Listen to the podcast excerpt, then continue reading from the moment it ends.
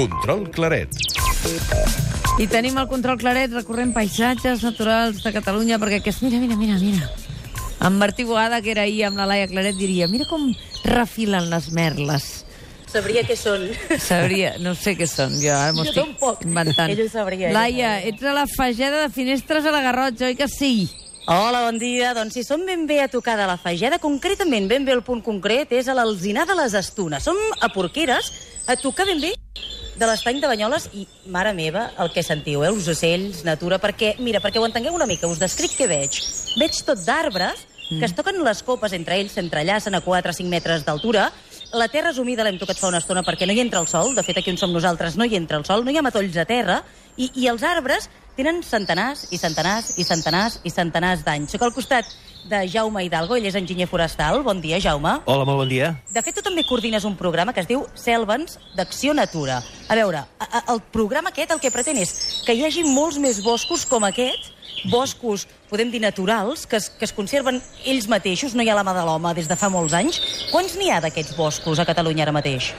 Doncs n'hi ha uns quants centenars, podríem dir que n'hi ha uns 500 o uns 800, perquè encara no s'han acabat d'identificar tots, però el que volem és que no siguin reductes com aquest tan petit, sinó que tinguin una miqueta més d'extensió, que arribin a 10, 20 o 40 hectàrees, i que en total puguin sumar mm, el 5% de la superfície de bosc. Clar, aquest bosquet és molt petit. No sé si ho podeu sentir de fons. Sí. Sentim el, el motor, el motor d'una moto, perquè som a tocar, a tocar ben bé de la carretera, a tocar ben bé de l'estany de Banyoles, i clar, el bosc és reduït pel que Sí. fa a la mida. Però vosaltres, per, perquè hi hagi més boscos com aquests, i perquè siguin més grans, teniu un projecte de micromecenatge que es diu, escolta, Mònica, eh? Compensa Natura. Compensa natura. Sí, sí, sí. El nom ja ho diu, compensa natura vol dir que aquella superfície que tu ocupes doncs ajudes a preservar aquella mateixa superfície d'un bosc d'alt valor natural. La superfície, no la meva, diguéssim, un pam quadrat. No, no, imaginem-nos que jo visc en un pis de 100 metres quadrats, m'agradaria, però imaginem-nos-ho, eh?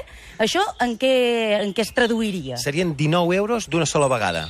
És a dir, I és on anirien 19 aquests euros. diners? Això va fer un fons eh, que a mesura que anem fent, diguéssim, calaix, i podem fer una operació de 3 o 4.000 euros, ajudem a un propietari a preservar un bosc d'aquests que ja tenim identificat. És que, a més a més, aquest bosc és una meravella. Es diu Bosc de les Fades perquè realment, eh, tu em deies, aquí s'hi han gravat pel·lícules. Podríem dir, Sí. hi ha una esquerda natural a aquest bosc que sembla eh, el bosc del Senyor dels Anells. Sí. És, és, és molt bonic. És que aquests boscos, a mesura, a força que van passant els anys, es van tornant màgics. Aquí perquè hi ha esquerdes, però si no n'hi hagués, també. O sigui, aquests grans arbres, les formes que tenen, les molses, els líquens, eh, els fongs, etc etc, fan que eh, la seva bellesa, la seva harmonia et copsi. És a dir, et, et meravella i t'enamora.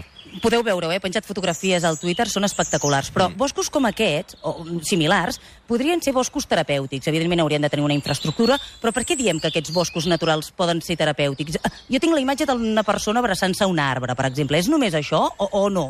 És més que això. No és necessari eh, abraçar-se a l'arbre, qui, ho qui ho vol ho fa, però és aquesta atmosfera, aquesta riquesa en aerobiologia, en quantitat de microorganismes i de substàncies volàtils que emanen de les plantes, que fan que el nostre organisme, quan els inhala, per la pell o per la respiració, el sistema immunològic millora. O sigui, és físic el que ens passa en boscos naturals com aquest. Sí, sí, sí, és físic, psicotomàtic, eh, és, és físic i psicològic, també. Hi ha gent que em deies que aquí hi ve a meditar o a fer recés. De fet, vosaltres esteu treballant en formar no? guies terapèutics per boscos com aquests a Catalunya. Encara no n'hi ha, però s'estan formant. S'estan formant. Tenim dues persones que ara properament aniran a, a Irlanda i les titularem com a guies forestals terapèutiques.